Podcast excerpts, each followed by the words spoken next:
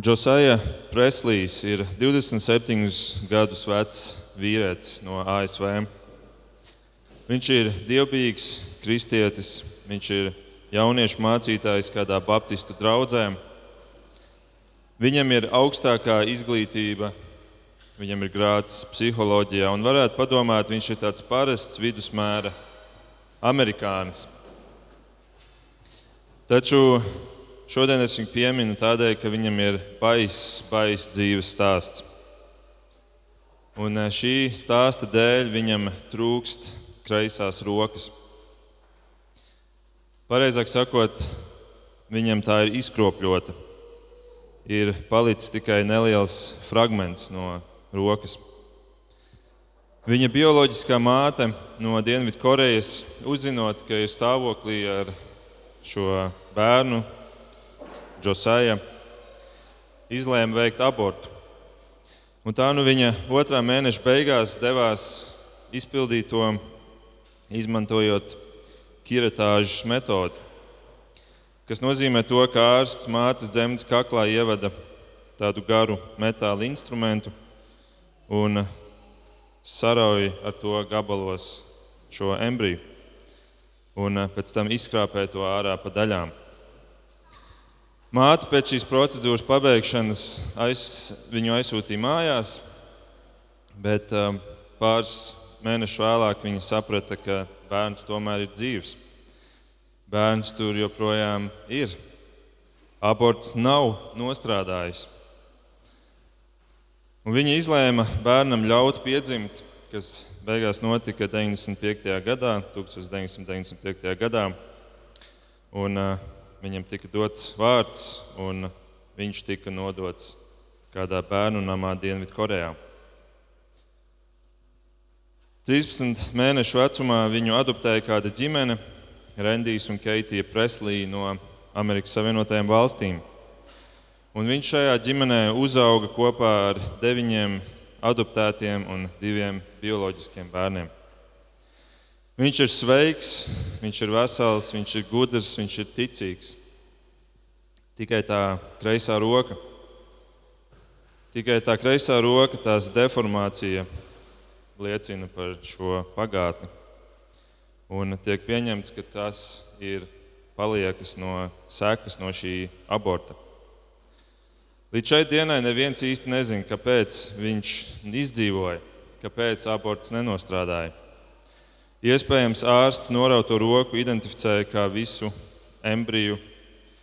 Iespējams, Džosijam bija kāds dvīnis, kurš tika iznīcināts viņa vietā, nenojaušot, ka ir vēl otrs bērns. Vienalga kāds iemesls Džosija nebija gaidīts, un tomēr šodien viņš ir dzīves. Šodien viņš ir dzīves. Kā jūs redzat, es šodien gribu runāt par abortiem. Un šis Džosija Preslija stāsts mani ir pašu dziļi aizkustinājis, bet līdz viņa stāstam es nonācu tāpēc, ka šo tēmu pēdējās nedēļās es esmu izvēlējies apskatīt tuvāk. Un tas viss sākās ar to, ka mēs ar sludinātāju kolēģi Raimondu esam uzsākuši podkāstu, podkāstu, kam mēs esam devuši nosaukumu Puslaiks, kas ir arī pieejams Spotify un YouTube platformās. Ja jums interesē, jūs varat arī par šo paklausīties vairāk. Un mums Priekšpēdējā tēma bija par Ukrajinu, un mēs tur nonācām beigās līdz tēmai par abortiem. Un tā nu pētot un lasot un klausī, klausoties raidījumus par šo tēmu, es secināju, ka es nekad neesmu dzirdējis nevienu svētrunu par abortiem. Ne mūsu draudzē, ne manās iepriekšējās draudzēs Latvijā un Vācijā, kuras esmu bijis. Kādēļ par to tā klusē? Un man ir jāatzīst, es arī pats par to nekad neesmu runājis. Tādēļ es šodien vēlos izpildīt, eh, sākt pildīt varbūt to atbildību, kur Dievs, es ticu, prasīs no manis, un arī es ticu no tevis.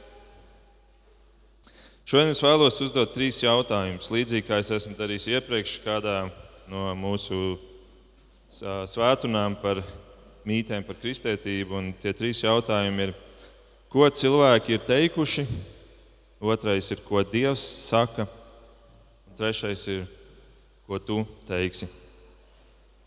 Ko cilvēki ir teikuši pagātnes formā, ko Dievs saka, jo Dieva vārds ir nemainīgs un ko tu teiksi.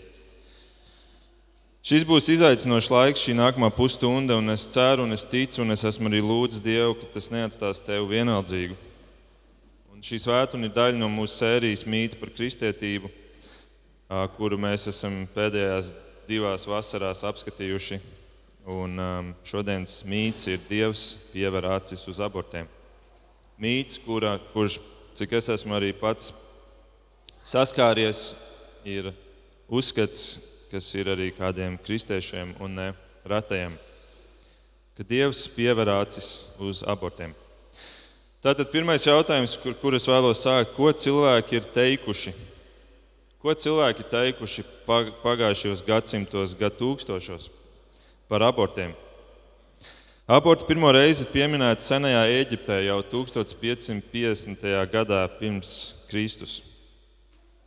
Un kopš šiem seniem laikiem tie ir izpildīti visdažādākajos veidos, izmantojot visdažādākās metodes, ieskaitot augu, valstības produktus, kuri izraisa abortu. Izmantojot āsus priekšmetus, izmantojot spēku un citas tradicionālās metodes.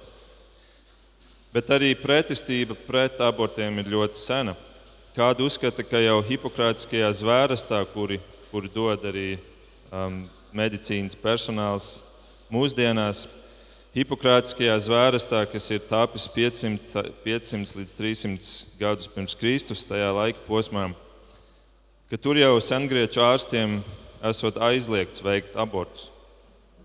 Citi atkal uzskata, ka nē, tas tik skaidri tur nav pateikts. Bet um, Aristotelis savā slavenajā darbā Politika 350. gadā pirms Kristus nosoda zīdaiņu slepkavības kā populācijas kontrolēšanas līdzekli. Bet viņa prāt, aborti ir pieļaujami tikai pirms bērns ir attīstījis sajūtas un dzīvību. Un tā nu aborti ir abortiem, abortu izpildēji laiks laiks ir sācis spēlēt nozīmīgu lomu.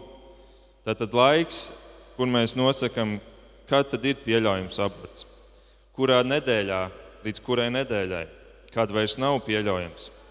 Un kā vispār noteikt šo robežu laikam, kad tas ir vai nav pieļaujams?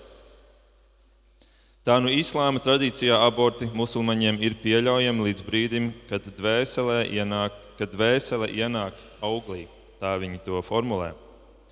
Un kā teologi, viņu teologi definē šo brīdi kā ieņemšanas brīdi. Bet citi atkal saka, nē, tas ir 40 dienas pēc ieņemšanas.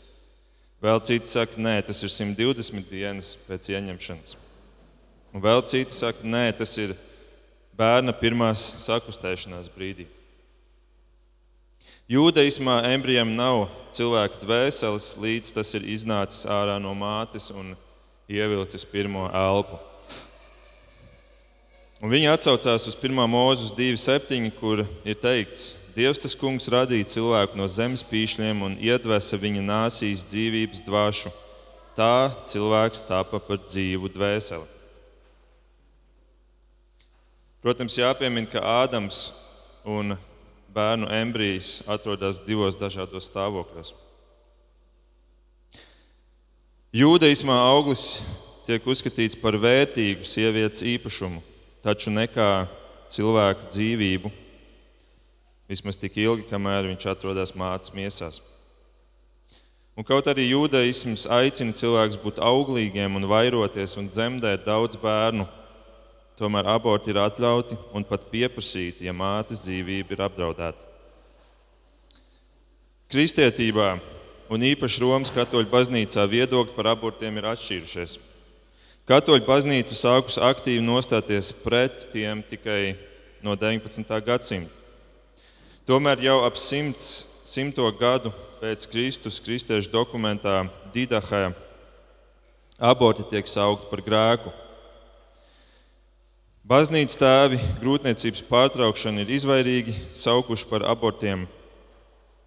Tikai pāvests Sikstus V. 16. gadsimtā kā pirmais to skaidri ir pateicis, un vēlāk pāvests Pijus 9. 19. gadsimtā nosauc visus abortus par slepkavību neatkarīgi no grūtniecības stadijas.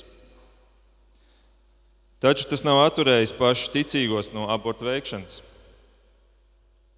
Kāds 95. gada pētījums liecina, ka katoļu sievietes ir tikpat gatavas veikt abortu kā vispārīgā populācija. Tikpat gatavas veikt abortu kā vispārīgā populācija. Kamēr protestantis ir retāk gatavs to darīt, bet evaņģēliskās kristietes visretāk gatavs. Kāds 2014. gada pētījums no ASV liecina, ka no visiem abortu veicējiem 24%, tātad gandrīz ceturtā daļa sevi sauc par katoļiem, un pat 30% par protestantiem. Kāds 2019. gada pētījums liecina, ka no visām kristiešu konfesijām 70% bija pret Roe, pret Veida likuma atcelšanu caur, caur kuru pirms 50 gadiem tika legalizēts aborts Amerikas Savienotajās valstīs. Tātad 70% no visiem kristiešiem, apskatot visas konfesijas, pret šī likuma atcelšanu. Un, kā zināt, pirms mēneša, aptuveni mēneša, šis likums tika atcelts. Un ASV vairs ne federālā līmenī, bet katram štatam pašam ir tiesības noteikt, vai viņi atļauj to vai nē. Tātad mēs redzam, arī šis likums, acīm redzot, daudzus tā saucamos kristiešus ir padarījis nelaimīgus. Un eh, šodien Amerikā, bet arī Latvijā aborti ir legāli. Aborti Latvijā um, tiek veikti līdz 12. grūtniecības nedēļai, pēc cilvēka, pēc sievietes izvēles. Bet, ja ir veselības problēmas, tad tie ir atļauti līdz 24. nedēļai. Un tie tiek veikti divos veidos. Viens ir medikamentozais veids, kur tiek izrakstītas divas tabletes. Pirmā tablete izraisa bērna bojāēju, bloķējot hormonu, kas ir vajadzīgs grūtniecības turpināšanai. Un otrā tabletē izraisa šī mirušā bērna izgrūšanu. Un, uh, es esmu Es nezinu par Latviju, bet es esmu dzirdējis, ka citur Eiropā ir iespējams arī šīs tabletes dabūt vienkārši pa pastu, tev atsūta pakumātā. Un, tāpēc arī Amerikas Savienotajās valstīs tiek diskutēts, kā vispār šo abortu aizliegumu realizēt, ja ir pieejami šādi pakalpojumi. Bet šīs medikamentozais veids ir pieejams tikai līdz 12. nedēļai. Otrs veids ir ķirurģiskais veids. Tur tas tiek veikts ar dilatāciju un kiratāžu, kas līdzīgi kā es pieminēju Josiah Preslī gadījumā, principā notiek, ka šis bērns tiek sarauts gabalos, sadalīts gabalos.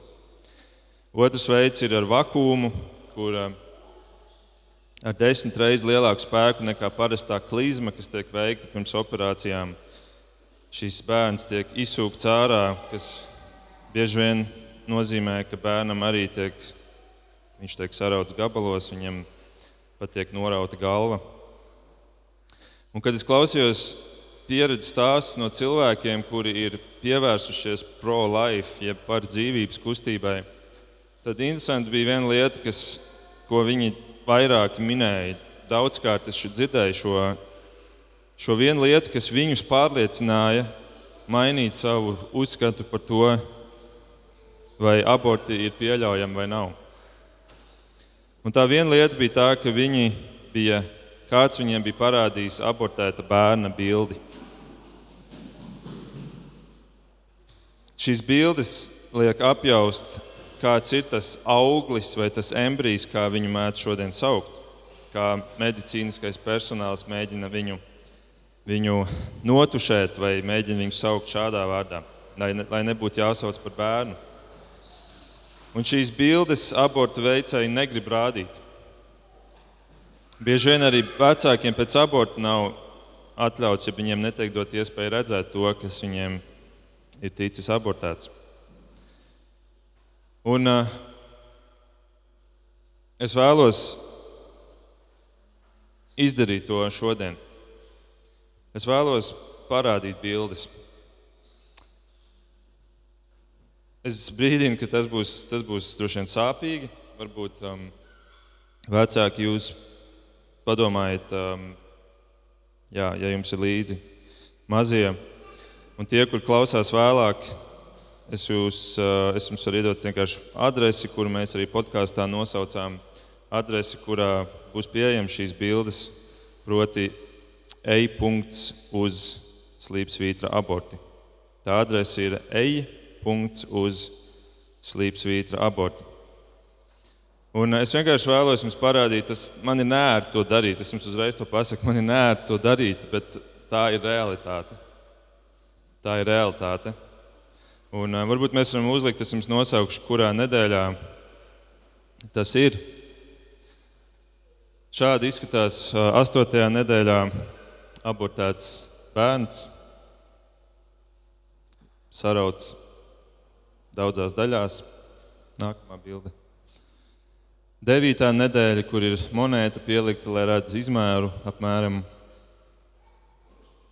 Varam iet tālāk. Desmitā nedēļa.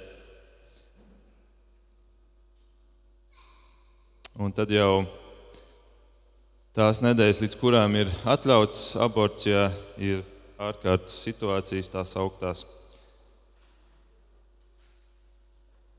Un pēdējā jau 26. nedēļa. Paldies, var likt nost.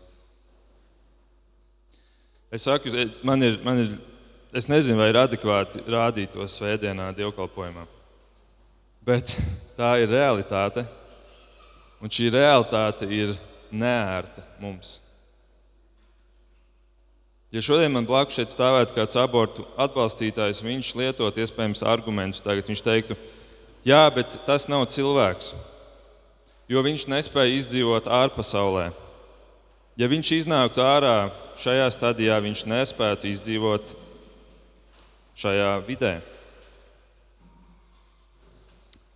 Jā, bet arī cilvēks, kurš ir pieslēgts pie sistēmas slimnīcā Cilvēks, kurš varbūt atrodas komā, nav spējīgs izdzīvot šajā vidē bez palīdzības. Vai tāpēc mēs viņu vairs nesauksim par cilvēku? Kā cits varbūt man teiktu, jā, bet viņš ir pārāk jauns. Mēs taču redzam, kā cilvēki strīdējušies par to vecumu robežu. Viņš ir pārāk jauns. Viņam ir tikai tik un tik nedēļas. Jā, bet ja mēs ieviešam kritēriju vecums pārāk jauns, tad mēs varam arī teikt, cilvēks ir pārāk vecs, lai dzīvotu. Kāpēc mums vajag cilvēkus, kuriem ir virs 80 gadu vecums? Ko viņi mums vēl var dot? Ļoti bīstami ir ieviest kritēriju vecums, lai nodefinētu, kas ir cilvēks un kas nav. Citi teiktu man, jā, bet viņš ir pārāk neattīstīts. Vecums strūns, bet viņš nav attīstīts pietiekami. Jā, bet šo kritēriju lietojuši nacisti. Nacisti viņi ir teikuši, šis cilvēks nav pietiekami attīstīts, tāpēc mēs viņu varam nogalināt, mēs varam viņu izmantot eksperimentiem. Un, uh, viņi to arī darīja tajā saucamajās žēlsirdības nogalināšanās kur no bērnu namiem tika arī doti bērni, kuri bija garīgi neattīstīti, lai veiktu šīs pēdiņās žēlsirdības nogalināšanas. Un pat kristieši, protestanti un katoļi palīdzēja viņiem to darīt, dodot šos bērnus no saviem bērnu namiem. Nē, attīstības pakāpe nenosaka, vai tu esi cilvēks. Vēl kāds teiktu, jā, bet tās ir tikai šūniņas, nu, tur tikai īpaši pirmajās nedēļās, tas ir tikai šūnu kamoliņš. Jā, bet tu arī esi šūnu kamoliņš. Ja nu kas, mēs visi esam šūnu kamoli. Varbūt sākumā tā ir viena šūna, bet tajā brīdī, kad tiek abortēts astoņas nedēļas vecs bērns, tur jau ir simtiem tūkstošu šūnu.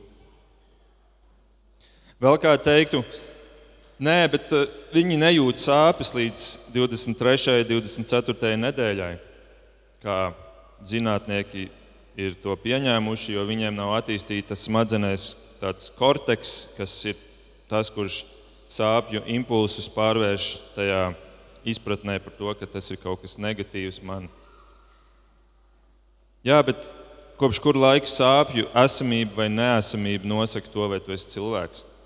tad mums būtu bīstami iet uz operācijām, kur mums tiek veikta anestēzija, un, un, un mēs nezinām, kas ar mums tiks izdarīts tajā brīdī, kad mēs nejutīsim vairs. Un ja kas ar spitālības slimiem nejūta sāpes, tāpēc, ka viņu nervu sistēma bija atslēgusies, tā bija, tās bija tās sekas spitālīgajiem. Un tāpēc viņi apdauzīja kājas, nosita pirkstus, nobērza degunus, jo viņi nejūta sāpes. Un kāda jēzuma bija attieksme pret šādiem cilvēkiem? Pavisam noteikti tāda, ka viņš viņus uzskatīja par cilvēkiem. Cilvēkiem, kurus bija vērts glābt. Tā nu neviens no šiem argumentiem neiztur kritiku. Neviens no šiem argumentiem neiztur kritiku, ja mēs pieejam tam godīgi. Vienīgais arguments ir tas, ka kopš ieņemšanas tas, kas tur ir un veidojas, ir saucams par cilvēku. Un es ceru, ka šīs bildes arī to apstiprina.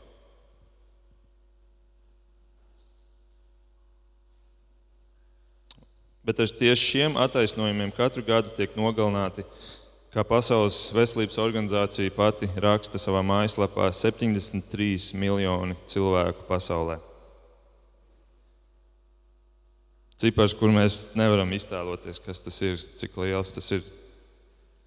Bet, ja mēs salīdzinām, Pirmais pasaules karš nogalināja 40 miljonus cilvēku. Otrais pasaules karš apmēram 50 miljonus. Šis karš 73 miljonus gadā. Un tādēļ kādi cilvēki šo sauc par genocīdu. Genocīds nozīmē uzbrukums konkrētai cilvēku grupai ar mērķi to iznīcināt. Mēs iespējams pēdējo reizi vārdu genocīds dzirdējām ziņās, tad, kad Zelenskis bija ieradies Bučas pilsētā un skatījās tos notikumus, kas tur bija veikti. Viņš šo vārdu ņēma mutē un teica, tas ir genocīds pret Ukraiņu tautu. Bet vai aborts nav tas pats? Vai tā nav konkrēta cilvēku grupu, grupa, pret kuru tiek veikts uzbrukums ar mērķi to mērķiecīgi iznīcināt? Šī cilvēka grupa ir nedzimuši bērni. Un kad mūsdienās saka, nē, bet tās ir sievietes tiesības, tad jautājums ir, jā, bet kas ir ar tām tiesībām pret tām mazajām sievietēm, kuras tur tiek sarautas gabalos un izkrāpētas ārā no citas sievietes? Viņām nav tiesību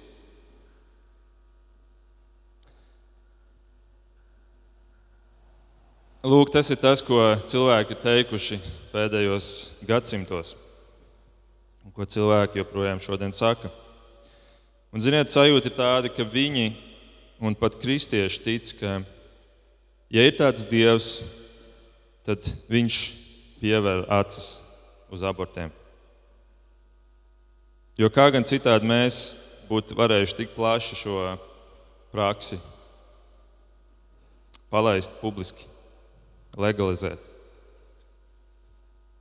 Vēl pie tam tas tiek pārsvarā legalizēts, visaktīvāk legalizēts valstīs, kuras sauc sev par kristīgām valstīm. Un tāpēc mēs nonākam pie otrā svarīgā punkta. Tad, ko Dievs par to saka? Ko Dievs par to saka? Es vēlos jums vienkārši nolasīt vairākas raksturvietas, jo Bībelē abortus kā tādus nepiemin konkrēti vārdā nesauc. Bet ir daudz raksturvietu, kuras ir aktuālas šai tēmai, šī jautājuma atbildēšanai. Un tādēļ vienkārši klausieties uz ekrāna, nebūs vienkārši klausieties un uzdodiet sev jautājumu, kā šīs teksts, ko mēs dzirdam no Dieva, kā tas attiecās uz šo jautājumu, kā tas attiecās uz abortu, kā tas attiecās uz šo mazo cilvēku dzīvību. 1. mūzis 1, 27. Un Dievs radīja cilvēku pēc sava tēla, pēc Dieva tēla. Viņš to radīja. Vīrieti un sievieti viņš radīja. 2. mūzis 20, 13. Tev nebūs nokaut. Jaunajā tulkojumā nenogalini īsākais pāns Bībelē. Nenogalina. 139. Psalms, 13 līdz 16.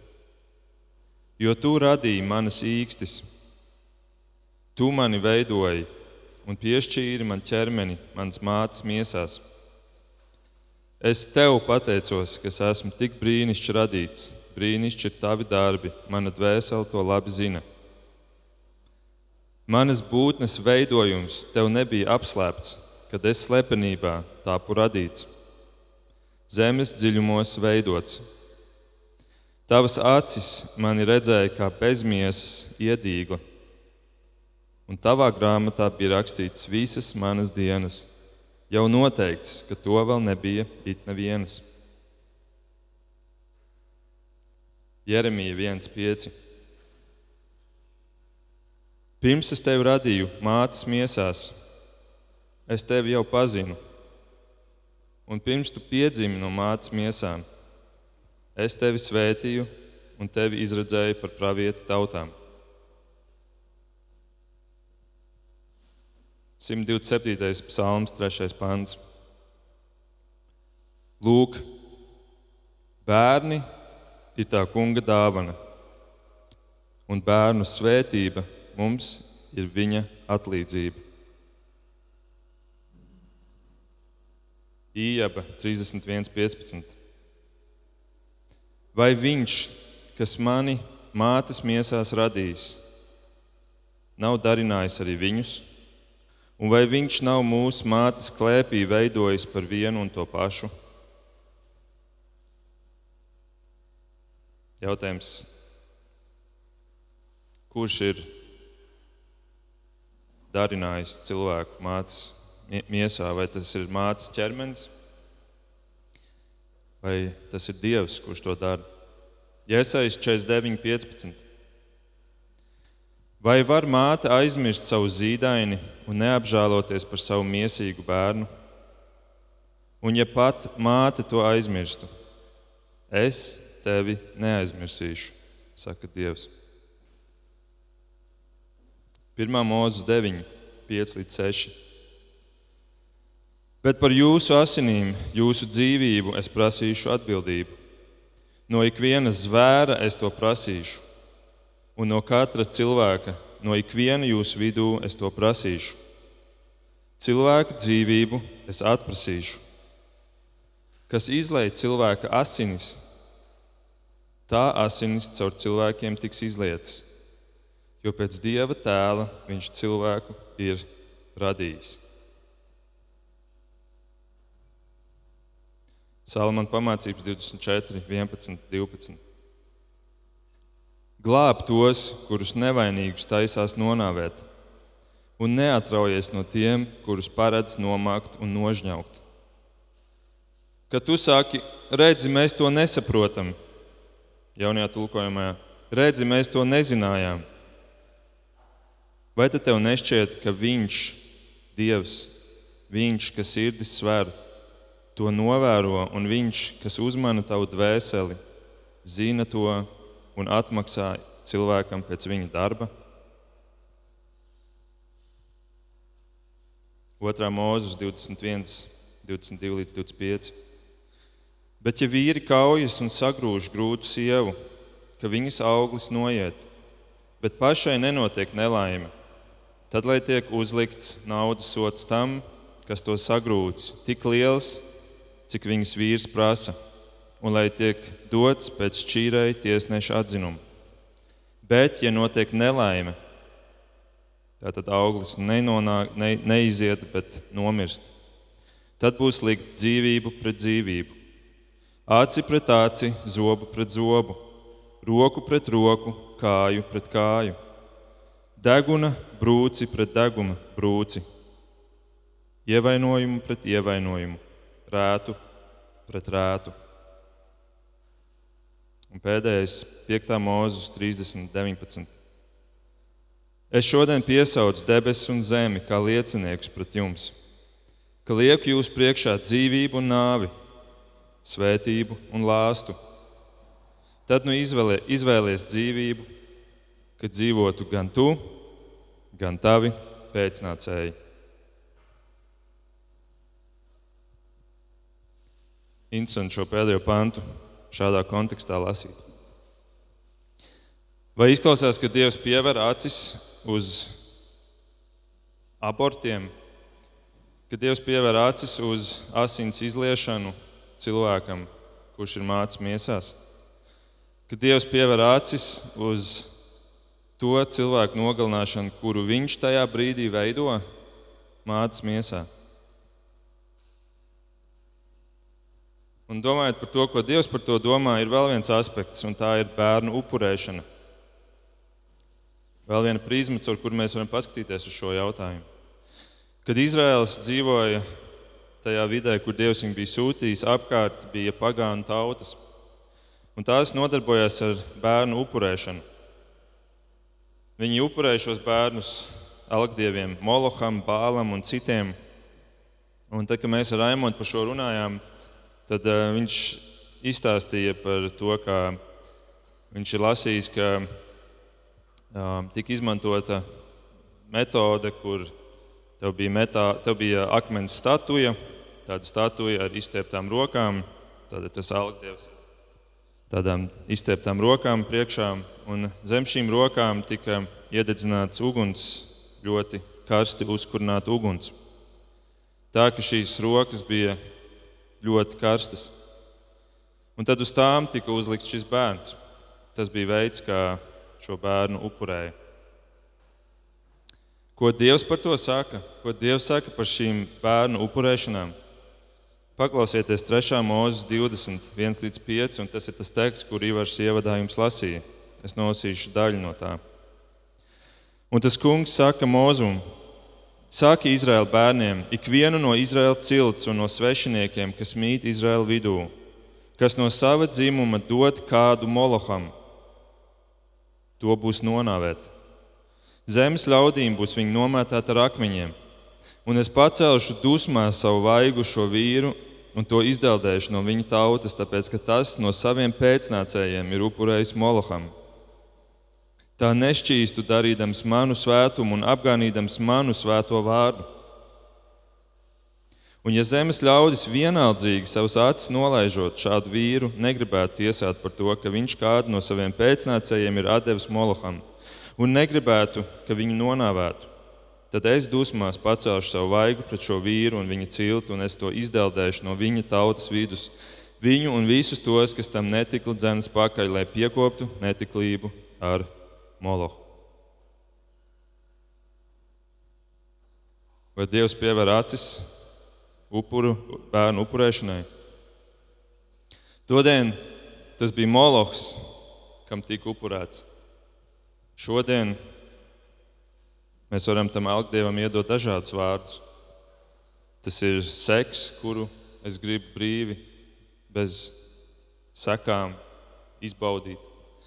Tas ir mans dzīvesveids, kurš man ir mīļāks par jebkuru bērnu, kas varētu no šī dzīvesveida rasties negaidīts.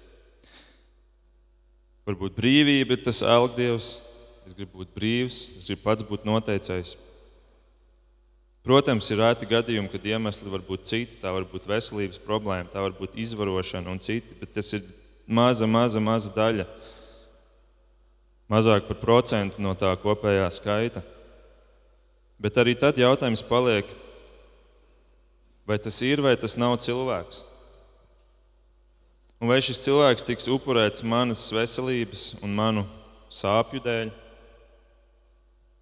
73 miljoni gadā tiek upurēti, un 99% ir klāji, sautīgi nolūki.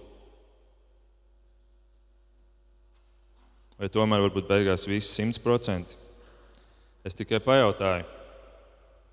Bet vai pamanīju šo teikumu šajā pēdējā rakstvietā?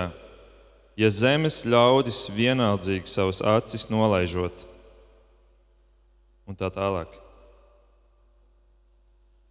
Un tas ir tilts uz pēdējo punktu, uz trešo. Ko tu teiksi? Ko tu teiksi? Mēs apstājāmies, ko cilvēki teikuši, mēs apstājāmies, ko Dievs saka joprojām šodien. Jautājums ir, ko tu teiksi? Ko tu teiksi, kura varbūt esi veikusi abortu? Ko tu teiksi? Es gribu, ka tu zini, ka Dievs mīl visus cilvēkus. Mēs varbūt šeit uzsver liekam uz to bērnu, kā Dievs mīl tos mazos bērnus, bet Dievs mīl tikpat ļoti tevi. Tevi, kura vienalga, ko es izdarīju savā dzīvē. Un tev ir cerība, tev ir cerība, jo zini, pat lielais ķēniņš Dāvids reiz pasūtīja slepkavību. Viņš viņu pasūtīja, viņš viņu neveica pats ar savām rokām. Viņš to pasūtīja caur citu rokām. Un viņa motivācija bija iegūt sev labumu, iegūt sev kaut ko uz kādu citu cilvēku rēķinu. Tieši tas pats, kas notiek abortos.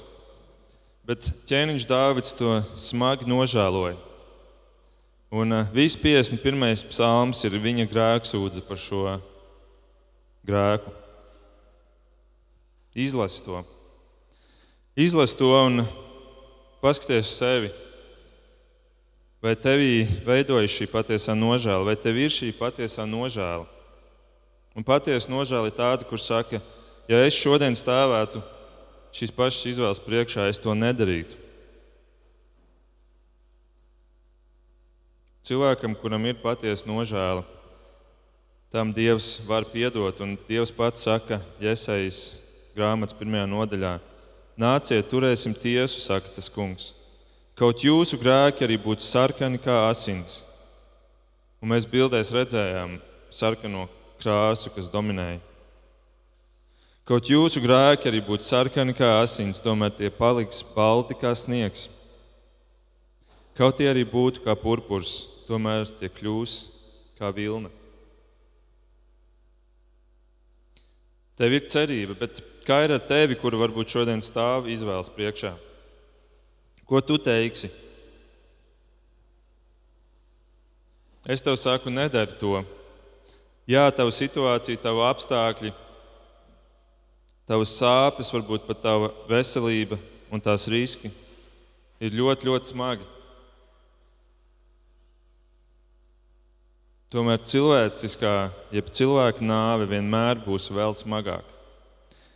Ja tavs smagums ir 90%, tad cilvēka nāve vienmēr būs vismaz 1% smagāka. Un tas nebūs risinājums tev ne materiāli, ne fiziski, ne, ne garīgi ilgtermiņā. Vienmēr ir iespēja nodot šo bērnu adopcijā, ja nav redzams cits ceļš. Vai kā ir ar tevi, kurš varbūt esi vīrs vai draugs sievietei, kura ir ar nevēlamu grūtniecību, ja mēs tā varam viņu saukt? Tad zini, ka tā ir arī tava līdzatbildība. Vismaz 50% no šī bērna ir tava līdzatbildība. Un tāpēc šodien mēs nerunājam tikai par sievietēm. Šis nav svētrunas teksts, svētruna, kas ir domāta sievietēm. Tas ir domāts mums visiem. Ko tu teiksi, tu, kuram varbūt šķiet, nu jā, bet tu uzskaitīji te visas šīs mērķa auditorijas, bet es neesmu nevienā no tām. Man nav nekāda sakara ar abortiem. Tad zini, ka tev ir sakars. Mēs lasījām, ja zemes ļaudis vienaldzīgi savus acis nolaiž, tad tam ir sekas. Ko tu vari darīt? Ko es varu darīt? Pirmkārt, lasi par šo tēmu, esi informēts. Ja tev ir saruna, veidojas saruna, tad zini, zini ko, par ko runāt. Ko vēl var darīt? Pavisam vienkārša lieta, bet sāpīga lieta ir, ka tagad, kad ir tas Roe un Wade lēmums, tad Amerikā kāds zīmols solīja, sola finansēt transporta izdevumus sievietēm, kuras nedrīkstēs vairs veikt abortu savā štatā, un viņi finansēs šo braucienu uz kaimiņu štātu, kur tas ir atļauts. Viņi to publiski paziņojuši, ka no tās naudas, kas mums ir, tā, tā nauda, ko mēs kā pircēji viņiem dodam, no tā viņi kādu daļu finansēs, nodos šim mērķim. Apsver iespēju nemaksāt viņiem. Es te nesaukšu šos zīmolus, jūs paši varat par viņiem palasīt. Protams, visos gadījumos nesanāks, bet, bet kaut vai mazs solis izsver to, kam tu dod savu naudu. Ko vēl tu vari darīt? Varbūt var iesaistīties kādās kustībās, kas cīnās pret abortiem. Bet galvenais ir vispirms jau pašam saprast, ko tu saki, kas ir aborts. Jo, ja tu šo jautājumu atbildēsi sev, tad visi pārējie, visi apstākļi, kas veidojas ap abortiem, būs sekundāri un izrietēs no šī tava pirmā jautājuma. Laiks ir paskrējis, un es vēlos noslēgt ar, ar um, es vēlos noslēgumā dot vārdu vēlreiz Josai Preslijam. Varbūt uh, kādam viņa liecība būs arī kā atbilde uz šiem jautājumiem, kurus mēs šodien esam apskatījuši. Par viņu raksta tā. Viscaur jaunībai viņš ļoti cīnījās ar pašcieņas trūkumu. Savas izkropļotās rokas dēļ viņš uzskatīja, ka viņš ir zemāks par citiem. Kad viņš sasniedz 13 gadu vecumu, viņa jaunās ģimenes vecāki atklāja viņam, ka viņš ir aborta izdzīvojušais. Kaut arī viņš priecājās par patiesības atklāšanu, tas patiesībā tomēr viņu iedzina vēl dziļākā tumsā. Viņš saka, tajā laikā man kļuva skaidrs, ka mana dzīve bija bezvērtīga. Jo cilvēki, kuriem vajadzēja mani mīlēt visvairāk, uzskatīja, ka mana dzīvība ir tik nevērtīga, ka viņi mēģināja to atņemt. Kā pusaudzis Džosāja attīstīja dziļu naidu pret katru, kurš bija pro-choice, jeb par izvēli par abortiem, ieskaitot medicīnas personālu, kas veic šos abortus. Viņš saka, es uzskatīju, ka viņi ir pasaules pēdējie mēsli, jo tādi cilvēki kā viņi ir padarījuši mani tādu, kāds es esmu, tik salauztu. Visu šo laiku viņš tomēr uzturēja laba baznīcas zēna fasādi savā draudzē, kurā viņš pats, kuru pats viņš apmeklēja un kurā kalpoja viņa tēvs kā pielūgsmes vadītājs. Tomēr kādā vasaras nometnē Džusāja uzrunāja nometnes vadītāja pieminētais grieķu vārds dunāmis, kas nozīmē spēks. Un viņu uzrunāja, kā Dievs ieliek ticīgā cilvēkā savu spēku, lai tas varētu pārvarēt šīs pasaules pārbaudījumus. Es atceros, kā domāju pie sevis, manā dzīvē šī spēka nav, saka Džosaja. Todien viņš atzina Kristu kā savu glābēju un sāka ieraudzīt izmaiņas savā skatījumā, savā redzējumā pret dzīvi. Viņš saprata, ka viņa vērtība neslēpjas tajā, ko viņš ir paveicis, bet gan tajā, ka ir radīts pēc tāda dieva tēla un līdzības, kuram ir kāda jēga un nozīme viņa dzīvēm. Džusajai saka, viņš ir pierādījis savu mīlestību man, nomirstot pie krusta par manu grēku sodu, kad es vēl biju tik tālu prom no viņa. Un saņēmis dievu piedošanu, viņš saprata, ka mazākais, ko viņš varēja izdarīt pretī, ir piedot saviem bioloģiskiem vecākiem par to izvēli, kuru viņi reiz bija izdarījuši. Viņš saka, tur es atradu piedošanu un tur es atradu dziedināšanu. Džosāja 2018. gadā iegūta grādu psiholoģijā, un vēlāk arī apprecējās. Bet šodien viņš dzīvo joprojām ar dziļām skumjām par tām 60 miljonus dzīvībām, kuras ir iznīcinātas Amerikas Savienotajās valstīs kopš Roe un Wade lēmuma 1973. gada pieņemšanas. Viņš saka, mēs dzīvojam kultūrā, kura stāsta sievietei, ja tu gribi tikt uz priekšu dzīvē, ja tu gribi tikt kaut cik tālu dzīvē, tad tev ir jāatņem kāda dzīve. Mēs dzīvojam kultūrā, kur stāsta vīriešiem, piepildi savus miesas iekārs, un no tevis neviens neprasīs atbildību par to. Mēs dzīvojam pasaulē, kura aplaudē ļaunumam, kā tas redzams lielajā atbalstā to cilvēku dzīvību atņemšanā, kuri ir visnevainīgākie. Tā ir nāves kultūra. Viņš saka, ka vienīgais, kas ir pietiekami spēcīgs, lai pārvarētu šāda veida tumsu, ir Jēzus Kristus evaņģēlijs. Un viņš noslēdz ar šiem vārdiem: Ja tu esi Jēzus sekotājs, tad viņa gaisma ir ielikta tevī.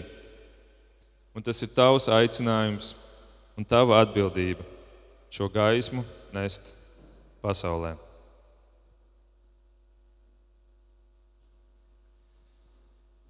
Debes Tēvs, paldies par šo dzīvību.